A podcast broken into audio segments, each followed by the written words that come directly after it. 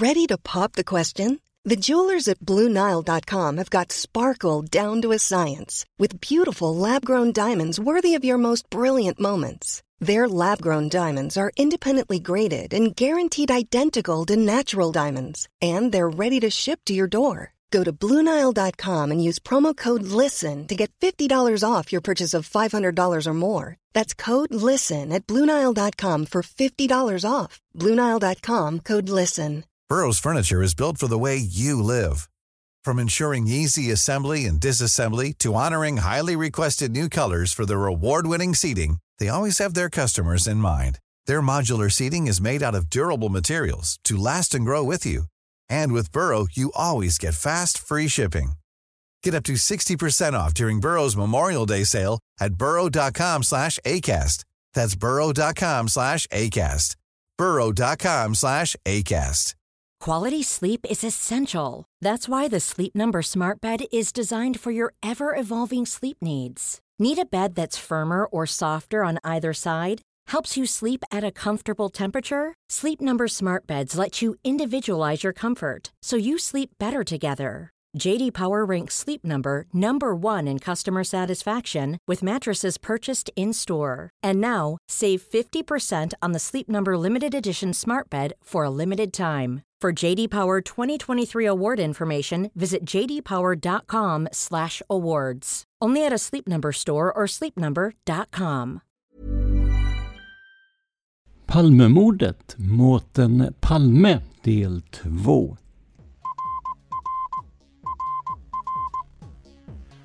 Sveriges statsminister Olof Palme är död. 90 000. Ja, det är mord på Sveavägen. Hörde de säger att det är Palme som är skjuten. Mordvapnet med säkerhet är en Smith Wesson, en revolver kaliber .357. Inte ett svar. Finns inte ett svar. För jag har inget. Och jag har inte varit Varför skulle jag göra Polisen söker en man i 35 till 40-årsåldern med mörkt hår och lång mörk rock. Välkomna till podden Palmemordet som idag görs av mig, Tobias Henriksson på PRS Media. Efter ett antal avsnitt om den så kallade ynglingen är det idag dags att återvända till mer traditionella avsnitt. Vi ska fortsätta titta på vad Olof Palmes son Mårten uppgivit om mordet på hans far och vad han eventuellt la märke till på mordnatten. Men innan vi börjar vill jag dock som vanligt tipsa er om att ni kan stötta oss ekonomiskt om ni tycker att det vi gör är bra. Du gör det enklast genom att gå in på patreon.com palmemordet och sponsra oss med den summa som podden får per publicerat nytt avsnitt. Det är alltså patreon.com palmemordet. Och görs inga nya avsnitt, ja då dras heller inga pengar. Om du hellre vill göra en engångsdonation så hittar du alla sätt att göra detta på i avsnittsbeskrivningen. Jag kan också nämna att min egna podd Tänk om kom ut med nya avsnitt under hösten 2023. Och anledningen till uppehållet med Tänk om är samma som vad gäller Palmemordet, alltså min hälsa. Men när det nu är på rätt väg med det så är det också dags att sätta igång med poddandet på allvar igen. Men det är en helt annan sak. Idag är det Mårten Palme som gäller och när vi nu återupptar hans historia har vi kommit fram till 1988. Det är i slutet av det här året som man har fått korn på Christer Pettersson, den missbrukande småbrottslingen som först kom att dömas för mordet, men i högre instans frias. Pettersson ansågs vara en bra typ enligt utredningen och vi ska vara på det klara med att Pettersson inte var främmande för våldsbrott. Våld, eller hot om våld, förekom ofta mellan olycksbröderna i Stockholms innerstad och även i samband med köp eller försäljning av narkotika. Pettersson var ju också sedan tidigare dömd för dråp efter att ha stuckit en bajonett i en man som avled av sina skador. Men i det här förhöret är det en helt annan person som anses intressant, som ni snart kommer att märka. Det här är ett dialogförhör där F står för förhörsledare och M för Mårten Palme. Förhörsledare är för övrigt kriminalinspektör Hamren. Citat. Protokoll över förhör med Palme, Mårten. Född. Personuppgifter. Boende. Adress. Förhöret hållet i Palmegruppens lokaler, Kungsholmsgatan 37, onsdagen den 17 augusti 1988 med början klockan 14.10. Förhörsledare kriminalinspektör Lars Hamren. Närvarande vid förhöret är också åklagare Jörgen Anblad. Förhöret hålls med anledning av att Mårten Palme vill lämna vissa uppgifter i samband med att en bild har publicerats i någon av kvällstidningarna. Yes. Eh, ja Mårten, då får jag be dig att du berättar om de här uppgifterna som du vill lämna till oss. Du kan prata högt och tydligt så att du går in på bandspelaren. M. Ja, jo, jag såg den här bilden och ja, bakgrunden är ju den. Eh, jag såg en person som stod vid den här möbelaffären och som stod och tittade in i skyltfönstret. Och sen när vi skildes åt så gick eh, jag gick ner mot andra hållet på Sveavägen så tittade den här mannen upp och följde efter och jag lämnade ett vittnesmål redan första, bara några timmar efter och på natten då. Och som gjorde jag en sån här fantombild och förhördes då. Och det var ju några grejer i alla fall som jag försökte komma ihåg. Jag la inte märke till den här kanske jag tittade på den här personen i alla fall eh, och tyckte jag kom ihåg utseendet något sådär. Så jag sa, har försökt, eh, har sett massa bilder och har försökt erinra mig en massa egenskaper i utseendet av han. Då har man eh, försökt att, eh, då speciellt när jag gjorde den här fantombilden så fick man ju försöka att ta ut de här egenskaperna man la märke till. Och jag kommer ihåg att redan i första föret så sa jag att eh, jag tyckte den här personen hade sådana här glasögon med stålbågade, ungefär sån där pilotmodell. Och sen så kom jag på att han hade väldigt fyrkantig ansiktsform. Och sen ganska smala läppar. Och sen när jag gjorde den här fantombilden för att veta hur man ska ta ut ögon så tyckte jag att eh, erinra mig att ögonlocken var liksom eh, en sån här nedhängande del och jag tyckte att eh, den här bilden då som jag såg, eh, han hade alla de egenskaper som jag liksom kom ihåg och eh, F. Den här bilden, i vilken tidning såg du den? M. Aftonbladet. Hur länge sedan? Det är ju två och ett halvt år och man glömmer ju liksom kanske runt den här intuitiva känslan när man känner igen någon man liksom... Eh, sen har jag tänkt så mycket på det här och, och eh, förhört så mycket att man försöker då... Minnet övergår liksom i de här egenskaperna som man kommer ihåg. Och jag tyckte att den här personen hade då egenskaper som jag skulle komma ihåg. F. Hur länge sedan var det du såg den där bilden i tidningen? Hur länge sedan var det den var i tidningen? M. Ja, det var en och en halv vecka sedan ungefär. Sen eh, så var den publicerad, inte den, utan någon eh, för munnen i DN tror jag det var. Kommentar här avses förmodligen att man har satt en svart ruta för ansiktet. Det brukar vara för ögonen och inte för munnen då, men det är så jag tolkar det. Slutkommentar. F. Var det något namn under bilden också? M. Ja. F. Och namnet? M. Sarajaka eller något. F. Sarkaja. Kommentar tillskrivet i efterhand med hans stil då. Sarikaya Erdogan. Slutkommentar. M. A. F. Du kommer inte direkt ihåg den här bilden så väldigt. J. Jörgen Anblad. Han hade glasögon på sig på bilden, det kommer jag ihåg. Ehm, Ja, ja det sa jag redan någon... F. Ja, det, det har du gjort, men du har ändrat att du tyckte bilden hade tunna läppar och det har du också sagt tidigare. Ehm, Ja. F. Sen var det det här med ögonen som du eh, hade gjort fantombilden. Ehm, Ja, just det. F. Och, och de ögonen hade de gjort lite hängande då menar du på...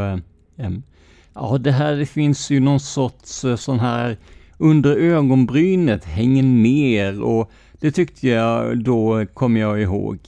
Jag tyckte mig erinra det då när jag gjorde bilden, fantombilden, kommer jag ihåg. Jag tog ut såna här eh, F.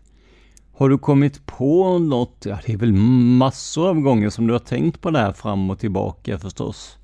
M. Ja, just precis. F. Är det något ytterligare med tanke på klädsel och gång och så vidare på den här som följde efter? M. Ja, det var ju inte rörliga bilder. F. Nej, men jag tänkte liksom längre tillbaka. M. Ja, jag tyckte det var jädra synd att vi inte fick... Eh, det var påtalat om man skulle ta ut kläder och sånt där. För jag tyckte mig då att Eh, man har väldigt goda begrepp om klädsel och hållning och sånt där.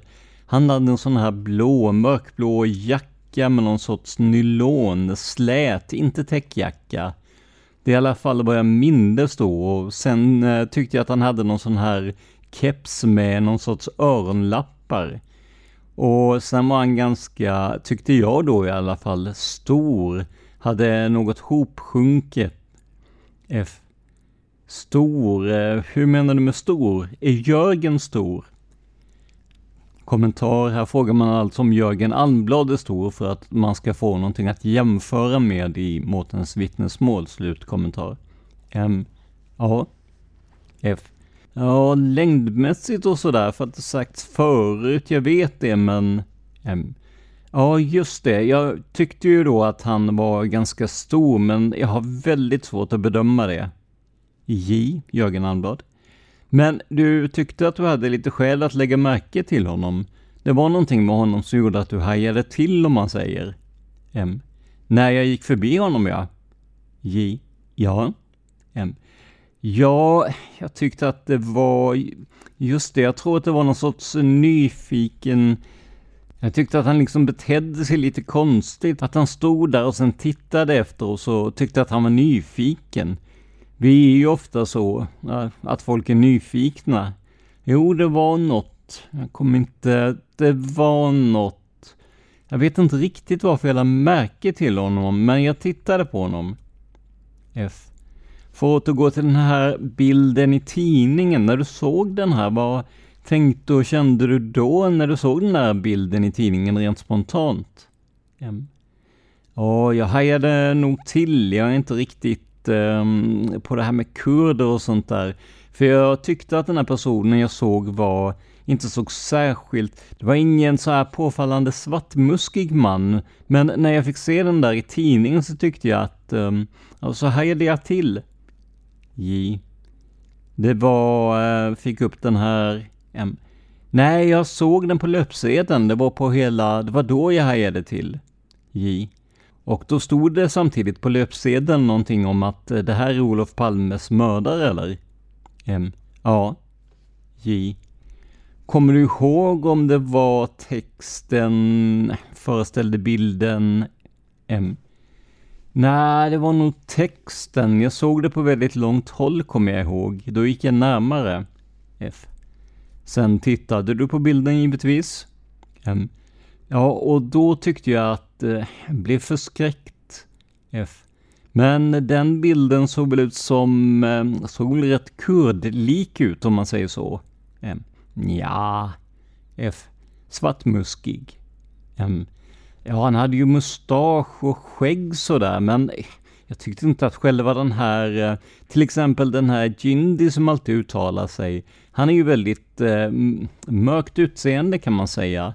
Jag tyckte inte den här var så mörk så där. F. Den här mannen då i bokhandeln, om du får berätta, du fick inte den känslan då? M. Att han var påfallande mörk? Nej. F. Nej, att han överhuvudtaget skulle vara utlänning? M. Nej, nej. J. Jörgen Almblad. Har du sett ett par, eh, några bilder som kan visa M. Ja, jag kommer ihåg att jag tyckte att en av bilderna var ganska J. Vad är det för bild? F. Vi stänger av den här för att hämta lite bilder. Förhöret återupptas. F. Ja, vi fortsätter. Det var alltså för att han tittade upp. Eh, jag har frågat vad det var som gjorde att han reagerade just för den här killen i bokhandeln eftersom han var van då att folk var nyfikna och speciellt då eh, eh, han stod inte vid bokhandeln riktigt, han stod lite längre bort. Han stod och tittade in i den där möbelaffären. F. Ja, men att just du, du var ju van vid det att folk vände sig om och tittade. M. Men det var ganska, just där så var, det var, det blev väldigt folktomt där utanför bion väldigt snabbt. Vi stod kvar och pratade ett tag. Och sen då tömdes liksom gatan väldigt fort. Man såg liksom inga andra där. Just på den där sträckan och, och det är ett ödsligt ställe och, och jag kommer ihåg den där personen, eh, att det stod en person där. Och ja, som vet eh, tyckte jag, jag kommer ihåg att jag tyckte också att det var rätt dumt av honom att gå hem ensam och sådär, för det är ju inte på grund av att eh, det är mer ungdomsgäng. Eh, f. Trakasserier. Um, ja, just det. Och när jag hörde att de då blev beskjutna, jag visste inte alla, trodde inte det var... Då tänkte jag genast att eh, det var säkert någon, det håller ju till ganska skumma gäng där vid Monte Carlo där. Just hörnet Sveavägen, Kungsgatan har jag stött på ganska konstiga typer. Då trodde jag att de hade råkat in i något slagsmål där eller något sånt där. Jag tänkte inte det är möjligt att man var lite, eh, att jag var lite eh, J. Men din första tanke var inte att eh, det var den här mannen från, nej, utan jag vaknade sen, eller inte vaknade, jag låg ju vaken ganska länge och plötsligt så kom jag på den där mannen, att jag hade lagt märke till honom. Det var fem på natten eller något sånt och så ringde jag till polisen. J. Ja, du vet ju att vi är mycket intresserade av den här mannen. Ja, just det. J. Och även om det inte är Sarikaya så är det ju, eh, i och med att du känner igen detaljer från Sarikayas utseende så kan det föra, så kan det göra att vi får ännu bättre signalement på den här mannen än Kommentar, här stavar man alltså namnet som Serekaja ibland och Sarakaya ibland. Så att eh, jag läser det som det står i protokollet här, slutkommentar. M. Men, men eh, tyckte att man gjorde jädra dumt i början, första började visa mig en massa bilder och då försökte man ju, jag i alla fall, eh, har inte gjort så att, eh, eller när de visar en bild sådär att det är den här, då är det klart att eh, då sitter man ju och stirrar och försöker liksom pussla ihop bilderna och F. De här bilderna fick du pussla ihop. Eh, på natten visade de väl inga bilder? M. Jo, sen visade den killen där ute också. Dagen efter. Och det är ju bara på en. Och det är ju också dumt, för då försöker man ju, om det bara är en så. F. Det där är fel. M. Ja, just det. Men, men då blir man ju hela tiden osäker och så vet man inte vad som är ursprungligt och vad man, eh, som man har liksom lagt till det där. F. Men för att återgå till den här Erdogan här så är det ju något nytt som Jörgen säger att vi får, eh, kanske får några andra detaljer här i det här signalementet som kan vara till nytta för oss. Oavsett om han stått vid bokhandeln eller inte. M. Ja, det är ju J. Har du sett eh, fotos som vi har visat, så vi behöver inte gå igenom den förteckningen och M. Nej, det tror jag jag hade märkt. Sen gjorde jag en till observation, den är väl också eh, som jag glömde egentligen från början. Men när jag stod utanför, eh, före biografen, så stod jag och pratade och så när vi skulle gå in så stötte jag ihop, eh, vände jag mig om så här, stötte jag emot någon bakom mig och tyckte att Eh, och då skulle jag vända mig om, vända mig så här, så stötte jag emot någon som stod väldigt nära mig. Och skulle jag vända mig om och be om ursäkt för eh, att jag tyckte att, eh, ja, jag knuffade till honom. Men då liksom vände han sig inte om. Det var jädra konstigt. Och han var väldigt mörkhårig. Jag såg inte ansiktet på honom, men jag såg bara, han var liten, han räckte hit ungefär. Kommentar här har man alltså inte skrivit ut hur högt måtten menar, vilket är ju jättemärkligt för att det här förhöret togs upp på band så vitt jag vet. Eh, kan inte se att det ska ha tagits upp på video. Så att den här meningen hjälper ju oss inte överhuvudtaget. Slutkommentar. F. Var det när ni stod utanför allihopa eller? M. Ja, när vi stod och pratade. J. Ohörbart. M. Ja, just det. Och då stod han väldigt påfallande nära mig. Jag tror inte han eh, hade något sällskap egentligen. Jag tänkte inte på det i alla fall. Och då skulle jag vända mig om och då stod jag så här och då tänkte jag att jag snart vände han sig om och då sa jag ursäkta. Då vände han sig inte om i alla fall. J. Men det kan inte vara själva mannen M. Nej, det var inte samma. J. Honom såg du inte ansiktet på heller. M. Nej, men jag såg att han hade väldigt mörkt hår. F. Ja, och att han var liten. M. Ja. F. Hur lång uppskattas han vara? M. Så här, och nu kommer det. 165 kanske? F. Och kommer du ihåg hur han var klädd eller så? M. Ja, jag tror han hade vinröd sån här, också sån här jacka av samma tyg, det här nylonglansig, nylon. Så tror jag att det var någon pälskrage på luvan. Sån där typ vildmarks... F. Det var en huva på den. M. Ja, just det. F. Övrig klädsel. M. Ja, ingen mössa, han hade väldigt svart hår. J. Du tyckte han var lite bufflig i vart fall, konstig. M. Ja, inte... Ja, konstigt att han inte vände sig om. Jag tyckte inte han var bufflig, det var ju jag som knuffade till honom. F. Ja, just det. Men du tyckte att eh, när du stötte till han så borde det vara så pass hårt att han borde vänt sig om och... M. Absolut. F. Är det några andra sådana där? M. Det. F. Detaljer. J. Den här personen eh, såg du inte mer sen då? M. Nej. F. Något annat du funderar på? M. Nej, det är väl de där två grejerna. J. Har du eh, din egen fantombild? M. Nej. J. Du har inget exemplar? M. Nej, det brukar inte... J. Ska man ta fram den och... Eh, jag kan i och för sig visa hur jag tänkte när jag gjorde den där om ni inte... Att den inte blev sådär jättebra tyckte jag själv. F. Titta på din fantombild. M. Ja, eller... F. Ja, vi kan väl ta fram den. M. Ja, det är ju som ni... J. Om det är någonting du tycker att... Eh, att mm, korrigering du idag skulle vilja göra på den så att säga. M.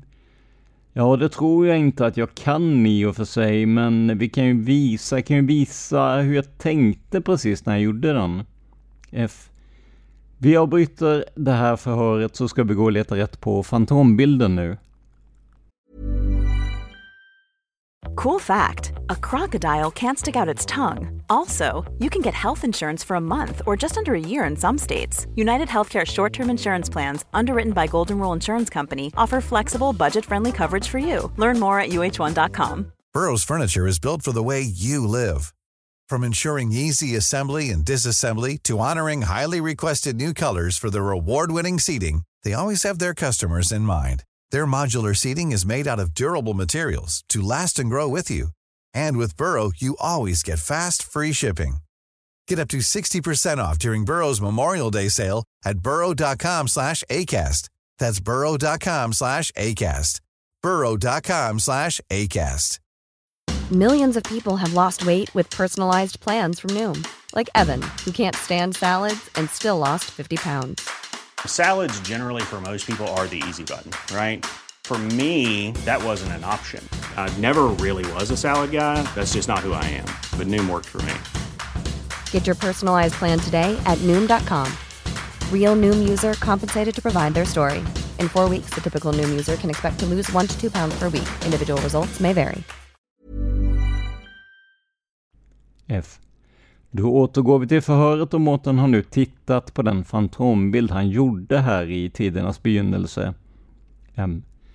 Jag tyckte att det är en detalj som jag tycker att åldern, jag sa ungefär, jag tyckte att det var 40, 40 år ungefär sa jag då. Ja, jag tyckte att den här Sarakaia ser ut, kan vara 28 år. Men såg äldre ut tyckte jag på den där bilden, en 30 som, eh, som här, de här poliserna som gjorde den här, den här mössan den tillhör eh, vi skulle få fram en mössa, det var en del som jag tyckte är väldigt kufisk. Den här fantombilden att eh, trots att, eh, vad jag förstår, alla vittnen har sagt att den personen eh, huvudbonad på något sätt, så var de andra fantombilderna, var han ju barhuvad. Där hade de inga mössor eller något sånt där. Det skulle de fixa och tog en eh, Satt och väntade en timme ungefär, sen så kom det en bild på en poliskonstapel. Stort jävla skägg som, det gick ju inte att spegla bort det där skägget. Och det ser man ju här, det är kvar skägget. Det förstörde ju bilden och jag tyckte egentligen att jag hade lyckats bättre precis i slutet. J. Var de eh, otåliga? M. Ja, vi korrigerade aldrig det där. F. Ja, det syns ju väldigt tydligt här. J.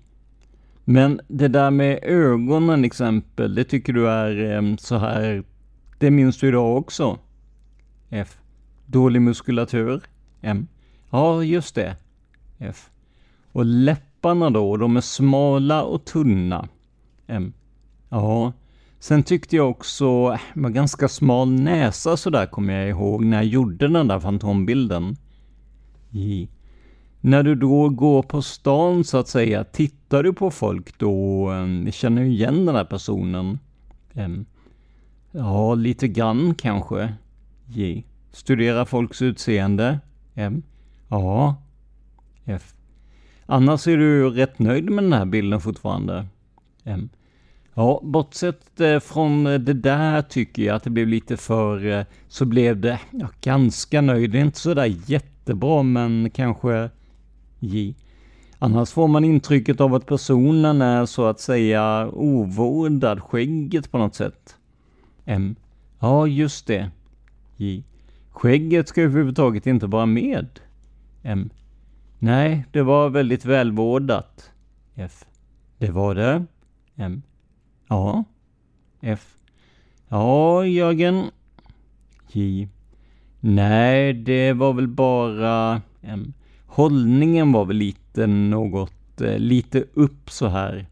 J. Var lite kutryggig på något sätt. Mm. Ja, i alla fall inte påfallande rak, inte... F. Du har sagt eh, 180 centimeter har du sagt. M. Ja, det är utifrån egen, jag tyckte han var så, men jag har inte, ehm, jag såg ju honom på ganska långt, det var i alla fall 10 meter. Då kan man ju inte riktigt bedöma. Jag tyckte att han var inte påfallande liten. F. Ja, är det något mer? M. Nej. J. Ja, du vet ju att det bara är att ringa så... F. Då avslutas förhöret klockan 14.45. Stockholm som ovan. Lars Hamrén, kriminalinspektör. Och där slutar vi citera från det här förhöret från den 17 augusti 1988. För mig verkar det som att man här främst vill ha information om Erdogan Sarikaya, som tydligen förekommit på bild i tidningen. Men om man tittar på Mårtens utsaga så finns det också detaljer som hade kunnat stämma på Christer Pettersson.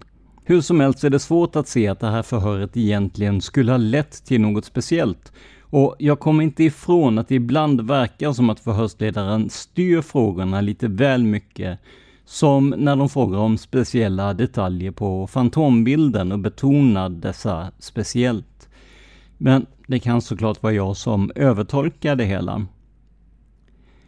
Nästa förhör hålls i december samma år och nu har man Christer Pettersson i förvar och Mårten ska nu ges möjligheten att peka ut en person som han ser som gärningsman.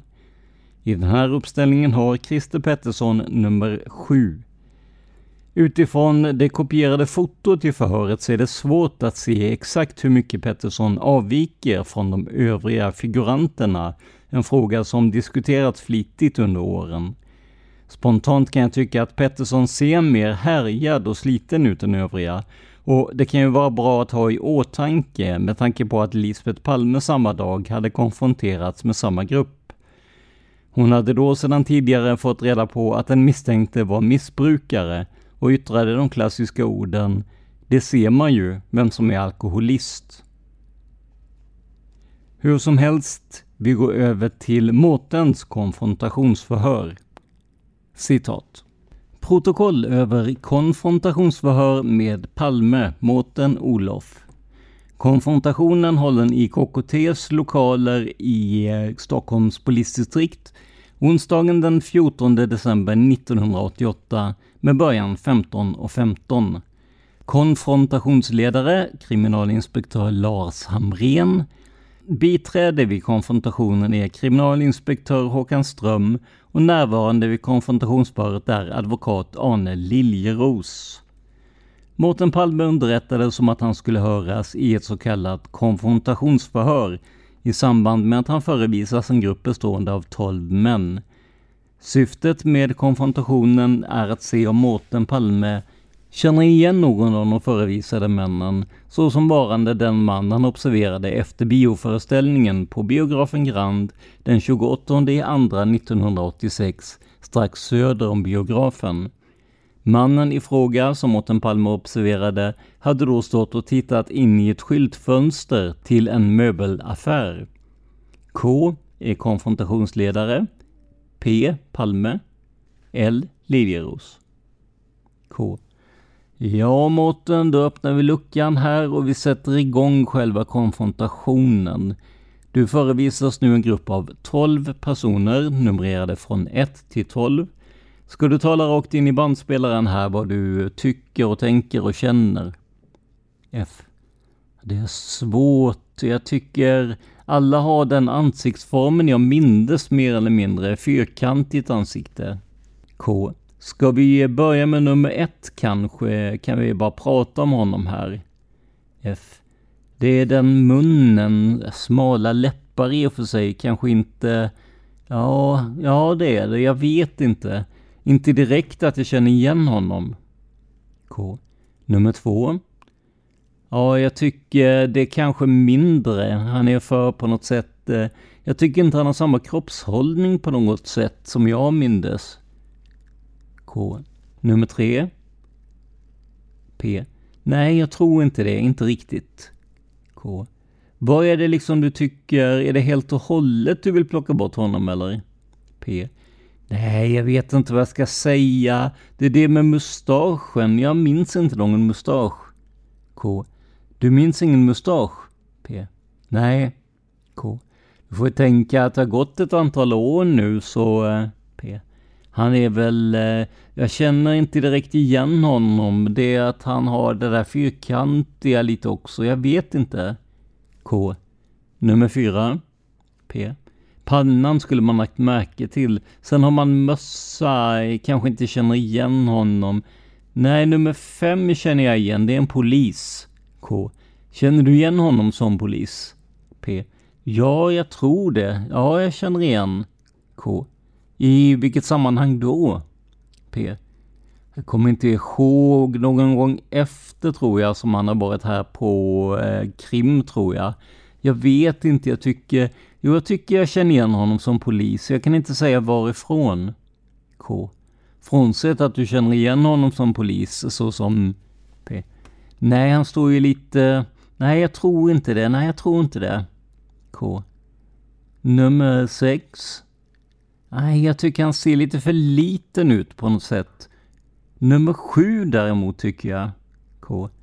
Nummer sju däremot. P. Han är, tycker jag, ungefär som jag minns kroppshållningen, smala läppar, munnen på något sätt. Jag vet inte. K. Du får eh, försöka precisera dig lite. P. Nej, jag vet inte. Det är något... Eh... Jo, jag tycker honom. K. Honom, vilken menar du då? P. Nummer sju. Ja, på ett sätt eh, tycker jag har de egenskaper, K. Du nämnde kroppshållningen här, P. Ja, jag vet inte, det är svårt att beskriva i ord, K. Sen nämnde du smala läppar, P. Ja, fyrkantigt ansikte, blicken. Nummer sju tycker jag är mycket, ja ungefär så tycker jag. Åttan tycker jag inte, ja nummer sju, jag vet inte. K. Vi kan eh, lämna nummer sju så länge. Nummer åtta, P. Nej, nummer åtta, nej jag tycker inte det. Han har för, eh, på något sätt, nej inte nummer åtta. K. Varför tar du bort honom direkt? P. Jag vet inte, jag tycker han har för smalt ansikte. K. I övrigt något? P. Nej, möjligen något med kroppen. K. Nummer nio. Jag vet inte, jag tycker han ser för... Nej, jag vet inte, det är det där med mustaschen, det är liksom det man lägger märke till. K. Ja, i övrigt med nummer nio. P. Nej, ingenting. Jag tycker inte jag känner igen K. Nummer tio då? P. Nej, jag tycker inte det. Jag tycker han har för... Nej... K. Han har för vad då? P. Nej, jag vet inte. Det är något... Eh, jag tycker inte... Nej, jag känner inte igen honom. K. Nummer 11. P. Möjligen förresten, ja det är ju det att de är lika allihop. Jag menar de, är, de har det där fyrkantiga sådär. Jag känner inte igen nummer 10. K. Nummer 11. Nej, jag ser honom knappt. Ja, jag vet inte. Nej, inte riktigt. K. Du ska få tillfälle att titta på dem när de rör sig så småningom, men vi tar dem på linje först här. Nummer 12. P. Nej, ja, nej. Jag vet inte, jag ser honom inte så tydligt. K. Ditt spontana nu, direkt när du har sett linjen uppställd här, har du någon allmän åsikt angående den här gruppen med tanke på eventuell likhet med den du har sett? P. Ja, jag tycker ni har valt helt rätt personlighets... Liksom rätt ansikts... Det släta, fyrkantiga ansiktet tycker jag. Det är liksom det som jag tycker mig minnas på något sätt. K. Är det någon speciell person du hänger upp dig på här nu när du har gått igenom dem en och en? P. Möjligen nummer ett och nummer sju då? K. Nummer 1. vad hänger du upp dig på honom för någonting då? P. Jag tycker det är svårt, men jag tycker det är nummer 1 och nummer 7 har ungefär samma hållning. Och så är det, det är den här fyrkantiga ansiktsformen eh, något det är så jävla svårt. Jag kan liksom inte riktigt skilja ut det. Jag försöker lägga till själv och det jag kan minnas. K. Kan du ge någon slags gradering mellan nummer ett och eh, nummer sju? Mer eller mindre så att säga? P. Ja, nummer sju kanske. K. Nummer sju är alltså vadå? P. Möjligen lite mera tycker jag. K. Lite mera P. Lik. K. Den som du observerade. P. Det är svårt alltså tycker jag. Jag såg ju personen bara en sekund. Det är tre år sedan. K. Vi ska låta dem gå lite då, komma fram lite närmare här en och en. Nu börjar de alltså gå med nummer ett först fram till spegeln. Får du göra kommentarer här? P. Det ser ut som han har underbett, det minns jag inte. K. De vrider sig nu och du ser dem ur alla slags vinklar nu. P. Ja, jag tycker han är lik, kanske inte. K. Vill du ha honom längre? P. Nej. K. Nu kommer nummer två. P. Det är ju den där ansiktsformen. Jag vet inte. K. Säg till om du vill att de ska stå längre här framför spegeln. Tycker du att de eh, ska göra det? P. Nej, det behövs inte. K. Nu är det nummer tre. P. Ja, det är svårt. Jag kan inte... Jag tycker inte han är helt dum heller. K. Och så kommer nummer fyra. P. Man lägger märke till det där höga hårfästet. Jag minns ju att han hade mössa på sig. K. Inga kommentarer om honom? P. Nej, mer än att han har fyrkantigt ansikte. K. Nummer fem. Nej, den är det inte, tror jag inte, tycker jag inte jag mindes. Nej, han är för, på något sätt, nej jag tycker inte det, nej jag tror inte det, nej. K. Nummer 6. P. Jag vet inte, han har ju den där också, den där ansiktsformen. K. Nummer 7. P. Jag tycker han är, ja han är lik alltså, helt klart. K. Vad är det du hakar upp dig på? P. Jag vet inte, det är ansiktsformen på något sätt. K. Nu kommer nummer åtta. P. Nej, det tror jag inte. Han ser för... Nej, jag tror inte. Nej, det tror jag inte. Nej, det tror jag inte. K. Nummer nio. Nej, jag tror inte det. Inget som jag spontant tycker, nej. Nej, jag kan inte... Nej, jag tror inte det. Han har dominerande mustasch också. K. Nummer 10. P. Ah, jag vet fasen inte helt. Inget speciellt. Det är de här dragen som förut, men inget... K. Nummer 11. P. Nej, jag tror inte det. Han har för smalt ansikte tycker jag på något sätt. K. Nu kommer nummer 12. P. Nej, det tycker jag inte. K. Varför inte? P. Jag vet inte, han ser för... Eh, nej, jag tycker inte det. Nej, han ser för glad ut eh, på något sätt. Nej, det är något eh, som jag inte tycker. K. Nu har du sett alla passera förbi här vid luckan och varit framme här och vridit och vänt på sig. Är det någon kommentar du vill göra nu när du har sett dem på närmare håll? P. Jag tycker, jag kan inte säga något definitivt, men jag tycker nummer sju är bäst. K. På vilket sätt är han bäst? P. Det är den här eh, ansikte... Eh, jag tycker han är bäst i ansiktsformen och ögonen och munnen på något sätt. K. Du nämnde tidigare också hållningen. Står det fortfarande fast? P. Ja. Sen eh, nämnde du tidigare också eh, det här lite säger du så kutar du lite på ryggen så att han har lite mer säckig hållning. P. Ja, lite lömsk på något sätt. K. Lite lömsk. P. Ja. K. Du nämnde tidigare nummer ett också i jämförelse med nummer sju. P. Ja, jag tror inte det är Möjligen jag tycker han påminner också. Om jag skulle ha jämförelse då så tror jag att eh, nummer sju är kanske mera utan mustasch. K. Du har inte något minne av någon mustasch? P. Nej, inget minne av någon mustasch. K. Är det någon mer kommentar du vill ställa? P. Nej, det är... Eh, jag har försökt att minnas och sådär. Jag tycker det är ungefär vad jag har att säga. K. Den du tänker i den här gruppen alltså, som du tycker påminner mest? P. Ja, det är nummer sju. K. Och det är på grund av eh, de sakerna som du tidigare har nämnt? P. Ja. K. Har advokaten några frågor? L. Liljeros. Jag skulle vilja fråga, fattade jag dig rätt att du gjorde dina iakttagelser bara någon sekund? P. Ja. L. Var det stor, vilken del av kroppen såg du?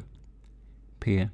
Så här var jag gick förbi den här möbelaffären, så stod den här personen där och så kom jag, vi stod här borta och sen kom jag gående och då tittade han väl upp lite mot, eh, när vi skildes åt så tittade han upp lite, så jag såg honom snett så här. L. Men stod han med ansiktet mot fönstret från början? P. Nej, Ja, jag tror det i alla fall. Precis när jag fick syn på honom och sen när jag kom något närmare. Något steg så vände han sig och tittade mot mina föräldrar. L. Men var det något som gjorde att du iakttog den här personen eller var det bara som man träffar, möter en människa i största allmänhet på gatan? P. Jag tyckte han såg ut som nyfiken på något sätt. Det var därför jag liksom på något sätt noterade honom. Jag kommer inte ihåg från början. Eh, jag vaknade på natten. L. Hade vederbörande huvudbonad eller inte? P. Ja, jag tror att han hade någon slags huvudbonad. K. Har advokaten någon mer fråga? L. Nej tack. K. Då avslutar vi konfrontationen klockan 15.32. Stockholm som ovan, Lars Hamrén, kriminalinspektör. Och där slutar vi citera från konfrontationsförhöret. Planning for your next trip? Elevate your travel style with Quince. Quince has all the jet-setting essentials you'll want for your next getaway, like European linen, premium luggage options, buttery soft Italian leather bags, and so much more. And is all priced at 50 to 80% less than similar brands. Plus, Quince only works with factories that use safe and ethical manufacturing practices. Pack your bags with high-quality essentials you'll be wearing for vacations to come with Quince. Go to quince.com/pack for free shipping and 365-day returns. Jag minns inte om jag sa det innan, men nummer sju är ju alltså Christer Pettersson.